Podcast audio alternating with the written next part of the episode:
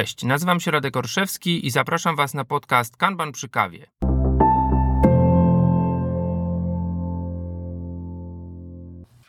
Witam Was bardzo serdecznie w kolejnym odcinku podcastu Kanban przy kawie. Dziś opowiemy sobie o tym, jak decydować, co zrobić pierwsze, a co zrobić drugie, a czego może w ogóle nie robić, w sytuacji, w której rzeczy do zrobienia jest więcej niż naszej mocy przerobowej. Hmm. Brzmi pewnie jak e, taki scenariusz, o którym słyszeliście już kilka razy w tym podcaście i o którym e, zakładam, myślicie, czy w którym znajdujecie się również w waszej e, rzeczywistości, waszych zespołów, firm, projektów, produktów, nad którymi pracujecie. Rzeczy do zrobienia zwykle jest więcej niż naszej mocy przerobowej, naszego czasu, ludzkich rąk, skupienia w naszych umysłach i co wtedy? No właśnie. Jedną z rzeczy, które przychodzą na myśl, priorytety.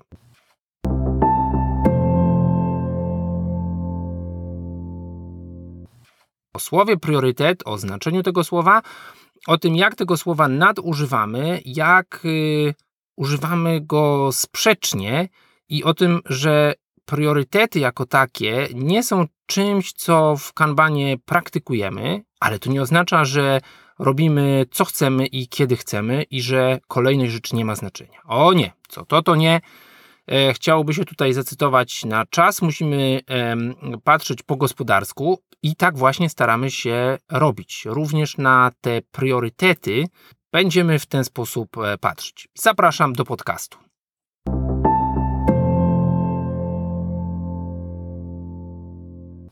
Zanim zanurzymy się w e, świat priorytetów i tego, co jeśli nie zdecydujemy się ich używać, to krótka wstawka, można by powiedzieć, reklamowa. Jeśli słuchaliście uważnie ostatniego odcinka albo oglądaliście e, z uwagą to, co na mediach społecznościowych podcastu Kanban przy kawie się znajdowało, to obecność podcastu na Patronite, na platformie, na której każdy z Was może zostać patronką, patronem, mecenasem, chciałoby się powiedzieć, tego podcastu.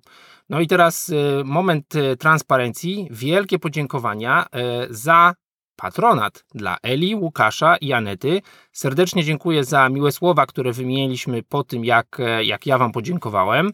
E, miło wiedzieć, że ktoś mówi o tym, że ten podcast przynosi mu wartość, e, że taka wirtualna kawa to właściwie mm, nawet za mało i nawet komentarz, że ktoś ma łatwiej w pracy dzięki temu. Wielkie, wielkie dzięki.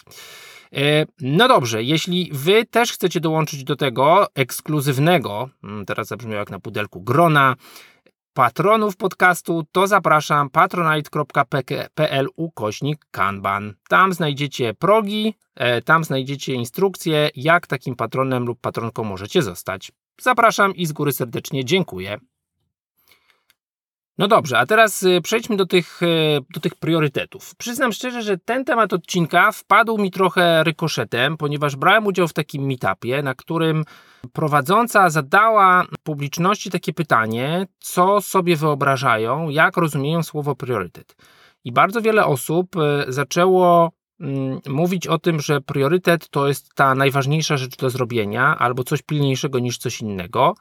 E, ja rozumiem i też podzielam, że takie jest e, rozumienie tego wyrazu. Zaraz sobie powiemy, że całkiem poprawne, ale z drugiej strony zacząłem się zastanawiać, czy to nie jest tak, że priorytetem nazywamy domyślnie rzeczy, które są, są istotne, no a przecież mamy niski priorytet albo wysoki priorytet. Ci z Was, którzy używają narzędzi elektronicznych, w tym sławnej czy niesławnej Jiry, wiedzą, że mm, wybierając pole e, priority, czy wartość ustalając na pola priority, mamy zwykle jakąś e, rozwijaną listę, na której tych priorytetów, e, czy, czy tych rodzajów priorytetów mamy bardzo dużo. I przyznam szczerze, tutaj musiałem się wyedukować co do pochodzenia i znaczenia tego słowa. Ono rzeczywiście, jak wiele słów, wywodzi się z łaciny i rzeczywiście w wyrazie, ten wyraz w języku łacińskim E, no można powiedzieć oznacza pierwszeństwo, czyli można powiedzieć uprawnienie czegoś, jakiejś aktywności, jakiegoś zadania e, do szybszego potraktowania realizacji w pierwszej kolejności niż e, czegoś innego. I tutaj zacząłem się zastanawiać nad tym, że oczywiście, no, biorąc pod uwagę pochodzenie słowa, no to znaczenie wyrazu priorytet jest tutaj całkiem jasny. Ono w bardzo podobnej formie znalazło się w języku francuskim, który był wiodącym językiem przez stulecia w Europie. Wylądował oczywiście w polszczyźnie w bardzo podobnej formie, w bardzo wielu innych językach ten, można powiedzieć, korzeń łaciński oczywiście e, jest. Natomiast, y, no właśnie, y, na, na forach językowych znajdziecie bardzo wiele przypadków, gdzie ludzie skarżą się albo pytają może, czy e, czy stosowanie tego słowa priorytet w tak wielu przypadkach, w tak wielu sytuacjach jest rzeczywiście uprawnione, czy nie popełniamy tutaj pewnych błędów. Hmm. No, rzeczywiście, jeżeli sobie powiemy, że coś ma wysoki priorytet, no to wpadamy w taki, można powiedzieć, błąd, nazywamy, nazywany ładnie, no, y, pewnie inżynierowie powiedzą redundancją, czyli nadmiarowością, językoznawcy powiedzą pleonazmem, czyli tak zwanym masłem maślanym, y, czyli cofaniem się w tył, tak? No bo wysoki priorytet to jest jakby y, wzmocnienie e, czegoś, co, co już oznacza tą, tą, tą pierwsze, to pierwszeństwo, tą, tą pierwszą kolejność. Z drugiej strony tworzymy takie byty językowe jak niski priorytet albo zaniedbywalny priorytet, no, co właściwie oznacza zaniedbywalne pierwszeństwo. Hmm, znów puryści językowi, niektórzy mówią, że ja się do takich zaliczam, bo zawsze poprawiam, że kanbanu, a nie kanbana. No właśnie, ale puryści językowi powiedzą, no, to jest taka trochę sprzeczność, tak? Jakby jeżeli coś jest e, priorytetem, to po prostu e, jest istotne. Jeżeli chcemy powiedzieć, że coś ma e, niski ten stopień istotności, no to zamiast tworzyć niski priorytet, może po prostu powinniśmy powiedzieć, że coś ma małą, małą ważność, tak? No ale właśnie, to nie jest takie łatwe do powiedzenia, mm, w związku z czym y, mamy w tych narzędziach i mamy w tym języku, e, szczególnie w języku biznesu, te wysokie i niskie priorytety. E, no, ale czy to jest tak, że te priorytety wysokie czy niskie są pomocne? Mm, większość osób powie tak, oczywiście, dobrze jest wiedzieć, co zrobić jako pierwsze, e, dobrze jest wiedzieć, co, mm, co ustawić w pewnej kolejności jako pierwsze, E, i pełna zgoda. Ale jeśli zastanowimy się nad tym głębiej, mm, to może jest tak, że nazywanie pewnych rzeczy, i tutaj w grę wchodzą pewnego rodzaju wybieranie tego, co mamy zrobić, bo wybieramy czasami pod względem tych priorytetów, a więc pierwszeństwa, e, ustawianie, e, można powiedzieć trochę bardziej nowomownie, sekwencjonowanie tych rzeczy, a więc ustawianie ich pewnej kolejności, E, bo właśnie mamy różnego rodzaju te priorytety, to, są, to jest może druga czynność. No i ostatecznie jakby planowanie rozpoczęcia pracy nad tym, czyli takie y, po angielsku scheduling, tak, to jest jeszcze trzecia rzecz, którą możemy zrobić, jeśli te priorytety wprowadzimy do języka. I wydaje się, że to jest pomocne, ale nie jest pomocne w momencie, w którym Y, bardzo wiele rzeczy konkuruje ze sobą i jedynym wyrazem, jedynym określeniem, jedynym czynnikiem, który mm, odróżnia nam od siebie te zadania, jest właśnie taki suchy priorytet. No właśnie, jeśli powiemy sobie, że w tej chwili, w tym tygodniu, e, czy, czy w danej chwili chcemy się zająć e, rzeczami priorytetowymi, mm, no to wydaje się, że jesteśmy po bezpiecznej stronie. Musimy znaleźć tylko te rzeczy. Ale co jeśli w naszej kolejce opcji, w naszym backlogu, E, znajdziemy kilka lub kilkanaście rzeczy, które po prostu są opisane, no właśnie, tym priority high albo priority one. E, I co wtedy? Wtedy okazuje się, że sama sucha nazwa priorytet i przyporządkowanie jakiejś wartości, czy liczbowej, czy, mm, czy właśnie słownego określenia, ale stosowanego można powiedzieć w relacji jeden do wielu, czyli jeden, jeden priorytet może mieć kilka różnych zadań, Mm, no to sytuacja jest y, zgoła trudniejsza. Y, I to jest pierwszy moment, w którym powinniśmy się zastanowić nad tym, czy priorytety tak stosowane tylko jako wartości liczbowe, e, czy tylko jako nazewnictwo, w momencie, w którym e, możemy mieć taką relację, że dany priorytet może mieć kilka różnych e, zadań, są nam rzeczywiście pomocne. No, ja bym powiedział, to jest znów pewnego rodzaju utrudnienie, ponieważ y, dochodzimy może do wniosku, że spośród wszystkich rzeczy wybieramy te 10, ale jeśli wiemy, że możemy zacząć dwie albo jedną, no to którą wybieramy? Hmm. No i jaka jest teraz y, mądrość y, Kanbanu, metody Kanban na ten temat? Jeśli y, słuchacie, jeśli czytacie na ten temat być może w jakichś zagranicznych serwisach, to bardzo często znajdziecie takie stwierdzenie, że w kanbanie po lewej stronie mamy jakąś kolejkę opcji I tutaj często po angielsku pojawia się takie stwierdzenie ideally not prioritized, a więc w takim idealnym scenariuszu nie upriorytetyzowano. Czy to oznacza, że będziemy robić te rzeczy losowo? Absolutnie nie. A co będziemy robić? Już po przerwie.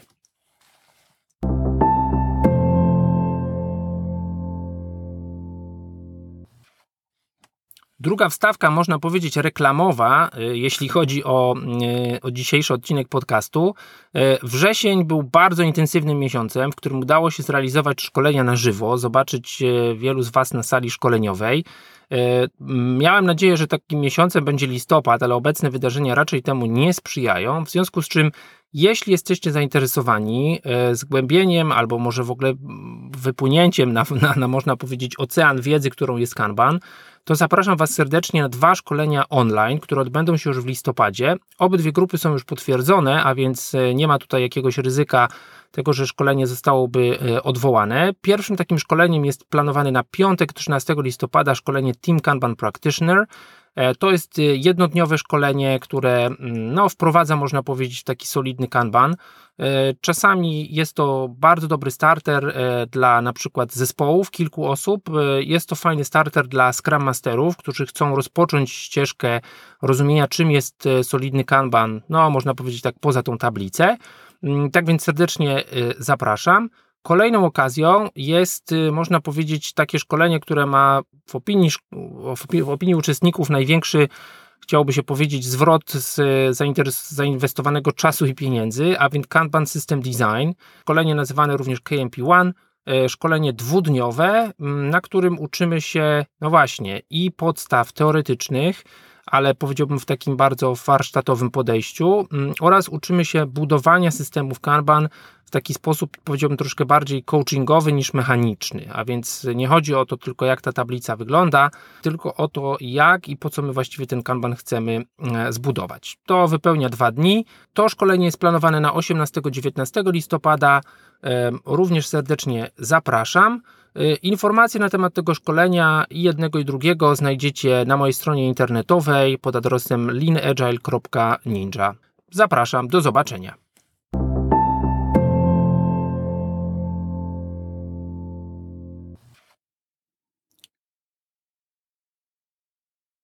Cieszę się, że jesteś ze mną dalej, słuchając tego podcastu. Domyślam się, że może nie część, część z Was nie przekonał jeszcze argument, że używanie priorytetów e, nazywanych czy odróżnianych tylko liczbowo albo e, takimi abstrakcyjnymi nazwami, jak priorytet wysoki, priorytet niski, e, pomaga. E, no, bo być może jesteście w takiej sytuacji, w której macie tylko jedno źródło zadań.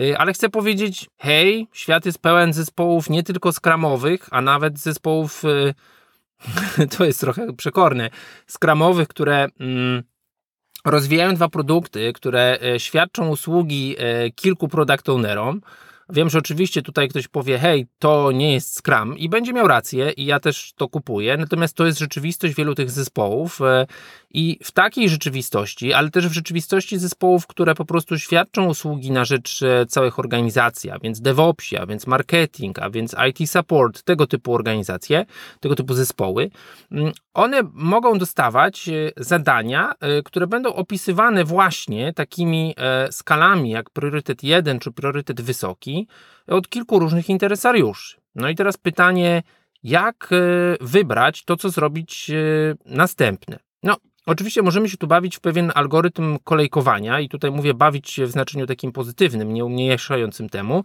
no bo może powiemy first in, first out, tak? A więc co pierwsze przyszło, to pierwsze robimy. E, być może co pierwsze przyszło według danego priorytetu, mm, natomiast y, wiemy, że takie bardzo, powiedziałbym, upraszczające podejścia mają zwykle swoje y, ograniczenia. A więc trafimy na taki przypadek, gdzie y, wszystko będzie bardzo ważne i wszystko będzie należało do tego priorytetu, a nasze moce będą akurat ograniczone i będziemy musieli wybierać. I Kanban odpowiada tutaj, można powiedzieć, na takie sytuacje tym, że stosowanie takich priorytetów nie pomaga, ponieważ właściwie bardzo często ceduje na zespoły y, dostarczające y, podejmowanie tych decyzji. podejmowanie tych decyzji jak najbardziej przynależy się temu biznesowi, czyli tej części organizacji, która jest odpowiedzialna za zamawianie, a więc y, można powiedzieć tworzenie tych, y, tych elementów do wykonania. I możemy tutaj, powiem tak bardzo otwarcie, wspomóc e, tą część organizacji, e, proponując, żeby używać czegoś innego niż takie abstrakcyjne priorytety. Czego używać? No, ci z Was, którzy wiedzą troszkę o Kanbanie, albo e, być może czytali książkę Donalda Reinercena, wiedzą, jeśli masz wybierać czy kolejkować te elementy według jednego parametru, to tym parametrem powinien być koszt opóźnienia. Anderson, a więc można powiedzieć jeden z pionierów twórców metody Kanban i Reinertsen, który przypomnę napisał przedmowę do pierwszej książki Andersona, no, nie pierwszej historycznie, drugiej, pierwszej o Kanbanie. Ci dwaj panowie różnie widzą definicję, czy, czy można powiedzieć formułę naliczenia tego kosztu e, opóźnienia, natomiast zgadzają się co do tego, że ten koszt opóźnienia jest istotny. Co to jest koszt opóźnienia? Wyobraźmy sobie, że mamy do zrobienia kilka rzeczy. E, w zależności od tego, e, jak szybko ukończymy, zaznaczam jak szybko ukończymy, a nie jak szybko rozpoczniemy dane zadanie, o tyle więcej i szybciej będziemy mogli zacząć zarabiać, albo o tyle mniej, bo można patrzeć na to jakby symetrycznie, o tyle mniej stracimy. Mamy też przypadki bardzo twarde, a więc takie, które oznaczają, że jeśli nie będziemy gotowi z jakąś funkcjonalnością, na przykład e, zgodnością z jakimś audytem, z jakąś konkretną e, e, regulacją na daną datę, no to bardzo możliwe jest, że narazimy się na pewien koszt kary. Mm, ta kara oczywiście może być bardzo wysoka, może wiązać się nawet z zakazaniem prowadzenia działalności. Hmm jak przełożyć to na praktykę, koszt opóźnienia, co to właściwie znaczy? Tak na dobrą sprawę, kiedy mm, dostajemy informację o tym, że powinniśmy zrobić jakieś zadanie i to zadanie jest, e, można powiedzieć, okraszone jedynie priorytetem, to właściwie nie wiemy, jakie przesłanki, jaki wymiar e, za tym stoi. To zadanie może być e, spriorytetyzowane tak wysoko, E, dlatego że rzeczywiście związane jest z czymś, co właśnie jest taką regulacją zewnętrzną, względem której musimy być e, zgodni, bo jeśli nie, to kara będzie duża. Być może jest to rzecz, którą szef albo szef szefa zlecił nam i można powiedzieć, że ta rzecz jest ważna z takiego punktu widzenia, powiedziałbym, politycznego dla, dla organizacji czy wewnątrz organizacji. Być może jest tak, że po prostu z braku świadomości, co zrobić następne, e, wrzucono nam jakąś rzecz, a że przyzwyczajono e, się do tego, że te rzeczy kolejne e, uzyskują ten wysoki priorytet, taki nominalny można powiedzieć, to taki mu przydano. Jestem przekonany, że takich przypadków, takich parametrów, które mogą definiować, co stoi za takim priorytetem, jest bardzo wiele.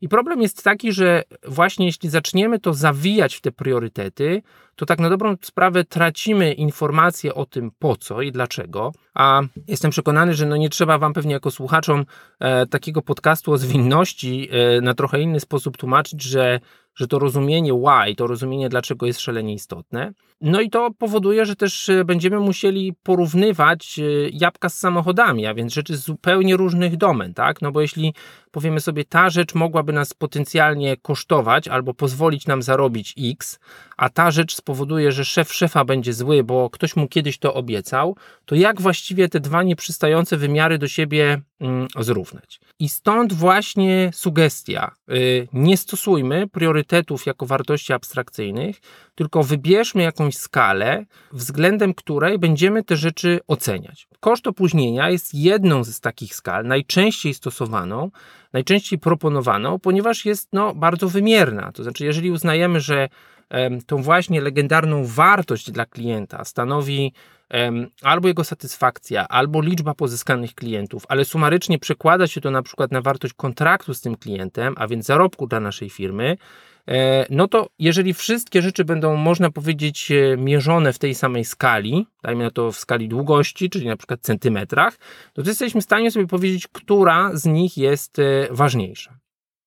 Oczywiście jesteśmy tutaj, y, można powiedzieć, y, gdzieś na powierzchni, ponieważ, tak jak powiedziałem, ten koszt opóźnienia, y, różnego rodzaju formuły, takie jak na przykład formuły, które tutaj Reinhardsen też jest jej źródłem, spotkacie w, w frameworku SAFE, a więc Weighted Shortest Job First, a więc wykonanie takiej, powiedziałbym, najbardziej wartościowej, a najkrótszej pracy jako pierwszej, mm, będą, będą się wkradały ja osobiście nie jestem fanem tego, znaczy myślę, że lepsza jest taka skala niż właśnie nieuświadomiona, niż żadna.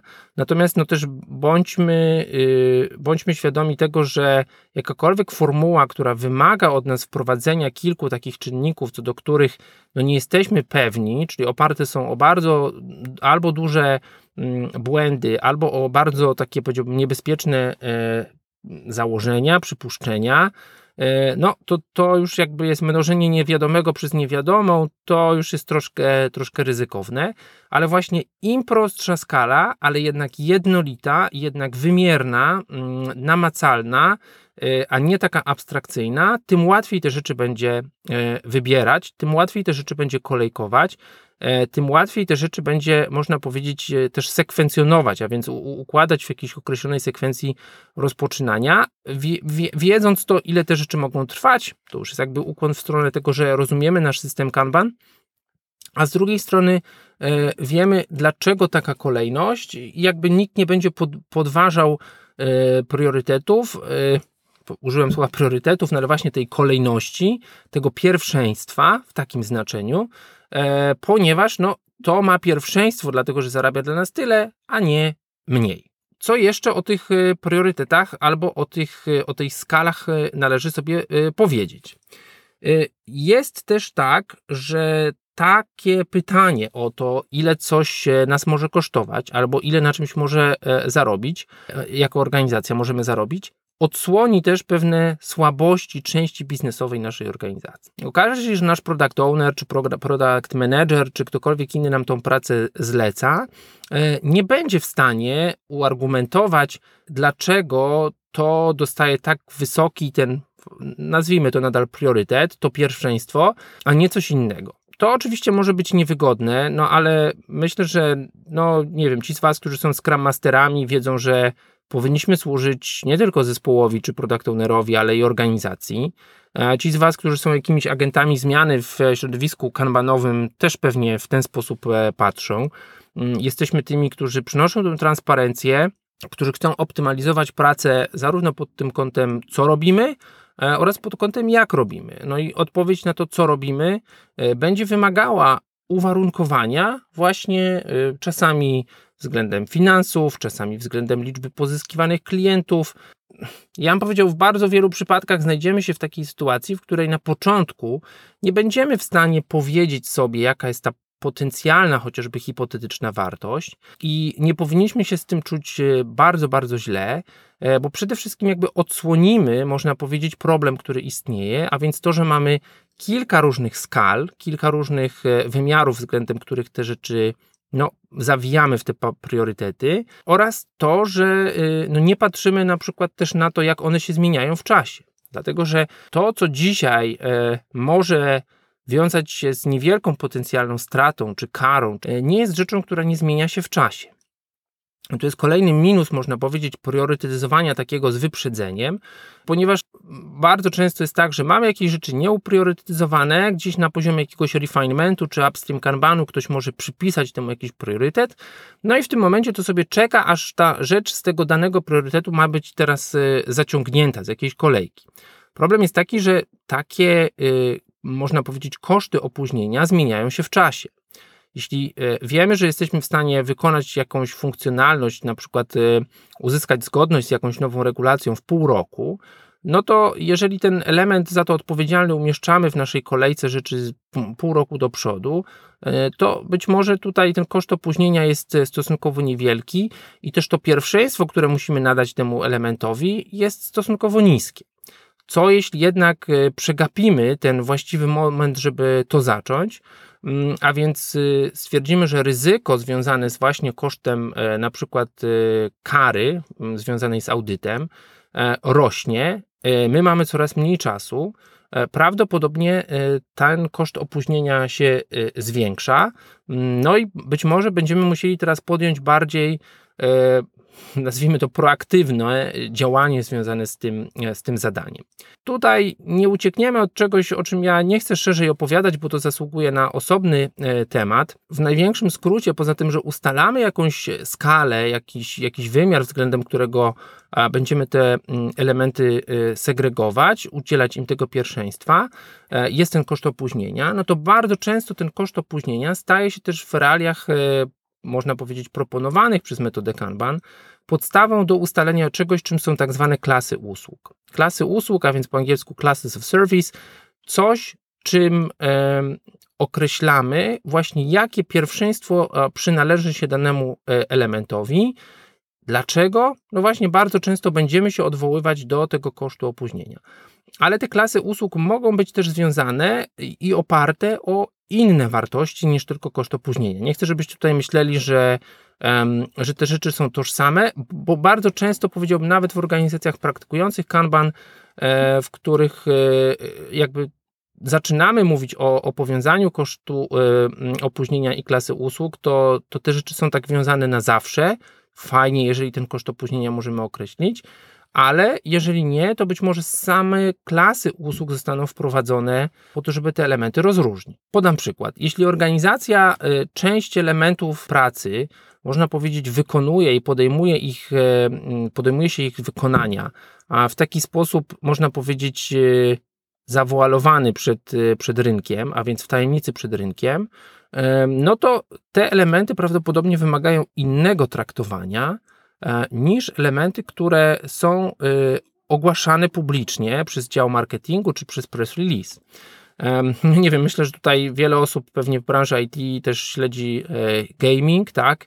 Jeśli powiemy sobie, że premiera jakiejś gry, takiej jak Cyberpunk, padnie jakiegoś tam dnia, e, no to właściwie wszystko, co związane jest z tym, co zostanie obiecane, co zostanie pokazane, zapowiedziane na takiej premierze, y, mm, czy, czy, zapowiedzi, e, można powiedzieć, prasowej, będzie miało inną klasę usług niż elementy, które być może znajdują się również jako opcjonalne rzeczy do wykonania w ramach launchu tej gry. Natomiast one nie zostały publicznie zakomunikowane. Więc na przykład takim wymiarem innym niż koszt opóźnienia a którym możemy się e, posługiwać, e, jest właśnie to, czy mówimy o rzeczy, która jest zakomunikowana publicznie, czy nie. Znów nie chcę powtarzać rzeczy, które są w bardzo wielu e, kanbanowych, można powiedzieć, materiałach, a więc mówimy o tych podstawowych klasach usług, takich jak klasa standardowa, a więc im później, tym tym może stracimy więcej albo zyskamy mniej. E, ta klasa związana jest właśnie określoną datą, a więc na przykład e, ta data może być e, no, powodowana taką datą premiery. Mm, rzeczy, które wymagają natychmiastowej reakcji, a więc tak zwany expedite, no tu błędy na produkcji są oczywistym przypadkiem, oraz rzeczy, które są takie, można powiedzieć, nienamacalne. I te rzeczy nienamacalne to jest też coś, co traktujemy zwykle po macoszemu, bo to oznacza, że hmm, no wiemy, że ten koszt opóźnienia jakiś może być. Nie wiemy tak dokładnie, kiedy on e, bardzo wzrośnie, a więc kiedy można powiedzieć, e, to ryzyko z nim związane będzie duże. Mm, no i też e, można powiedzieć, mm, do pewnego stopnia zaniedbujemy te rzeczy, ponieważ też nie wiemy, jak, jak duży będzie impact, jak duże będzie, można powiedzieć, uderzenie związane z tym wzrostem tego kosztu opóźnienia na, na nasz biznes. No tutaj wszystkie rzeczy związane z długiem technicznym, wszystkie rzeczy związane z takimi elementami jak performance, jak właśnie wymagania niefunkcjonalne, pewnie się kryją. E, często tutaj kryje się też e, bezpieczeństwo. Przykład Garmina sprzed kilku miesięcy, kiedy firma stała się ofiarą ransomware. No, można sobie powiedzieć, pewnie ktoś w tej organizacji odpowiada za bezpieczeństwo, pewnie ktoś mówił o tym, że hej, być może powinniśmy przeszkolić e, naszych ludzi, żeby, nie wiem, nie wkładali pendrive'ów znalezionych na parkingu, tak, to może tak humorystycznie, bo nie wiem, czy ktoś jeszcze takie zamachy robi, ale pewnie tak, czy taki, taki sposób e, przenoszenia złośliwego kodu. Może zabezpieczmy ludzi, żeby nie klikali w cokolwiek, co, co dostaną w e, mailach, no ale tak, tak, ale to później, no bo przecież to się nie zdarzy, tak, no zdarzyło się, kosztowało firmę olbrzymie miliony, można powiedzieć, straty wizerunkowej, wiemy, że 20 milionów straty mm, finansowej, chociaż ponoć nie straty, bo firma to wrzuci w koszty, bo, bo nie zapłaciła e, okupu bezpośrednio, mm, no ale tak czy inaczej nie są to problemy, które chcielibyśmy mieć, tak, właśnie tego typu rzeczy bardzo często są pomijane, dlatego że znów brakuje nam świadomości, jak z upływem czasu, jak z upływem na przykład, y, czy wzrostem popularności pewnych y, metod y, właśnie zagrożeń bezpieczeństwa, ten profil kosztu opóźnienia, że nie reagujemy na to, rośnie. To jest bardzo duży temat, zarówno koszt opóźnienia, jak i powiązane z tym klasy usług. Jeśli Was to y, szerzej interesuje, to może dajcie znać, być może zakotwiczymy któryś z odcinków e, wokół tego tematu w taki dedykowany sposób. E, natomiast chciałbym, żeby to, o czym sobie powiedzieliśmy, stało się, można powiedzieć, takim czymś, e, co możecie wziąć i dosłownie następnego dnia spróbować wdrożyć w swojej firmie. Zastanówcie się, jakich pewnie priorytetów używacie obecnie do segregowania tych rzeczy. A więc mówimy sobie, że to jest backlog posortowany po wartości. Super, jak definiujemy tą wartość? Jeżeli są to tikety w Jirze, które mają priority high, priority medium i tak dalej, super. E, jakie są kryteria, które definiują, e, co zasługuje na high?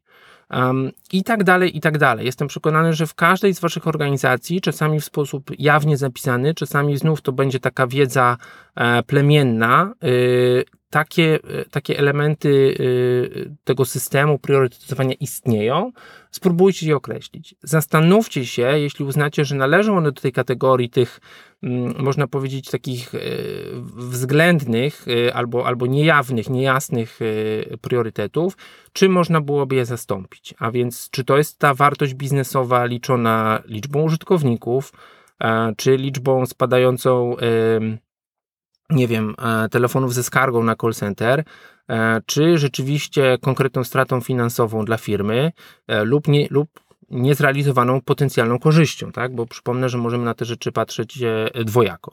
Spróbujcie, jeśli nie jesteście po stronie biznesu, może nie drastycznie, ale mimo wszystko challenge'ować ten biznes i zastanowić się, rozpocząć dyskusję o tym, jak moglibyśmy te, te priorytety wtąpić czymś bardziej namacalnym. Być może zdecydujecie się nadal używać tej samej skali, e, a więc nie wiem, high, medium, low, ale będziecie mieli świadomość, co stanowi właśnie uwarunkowanie każdej z nich. E, być może w ten sposób pomożecie sobie, być może w ten sposób pomożecie swoim zespołom, swoim organizacjom, e, być może w ten sposób otworzycie oczy kilku osób, że jeśli zespół dostaje właśnie swoje elementy pracy z kilku źródeł, możemy mieć dużo jedynek albo bardzo dużo high i w tym momencie musimy, albo raczej powinniśmy poszukać czegoś, co to zastąpi. E, być może to spowoduje, że nie wszystko będzie na zaraz, że nie wszystko będzie super pilne.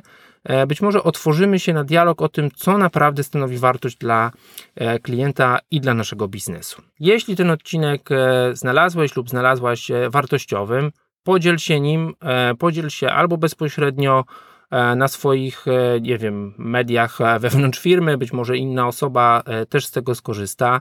Możesz też zostawić miły, pozytywny komentarz na tych serwisach streamingowych, na których słuchasz tego podcastu, lub po prostu zrobić jakiś tam retweet lub repost wpisu na mediach społecznościowych.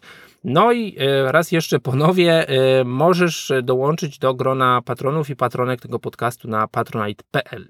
To tyle. Dziękuję serdecznie. E, mówił Radek Orszewski. Zapraszam do kolejnego odcinka już niedługo.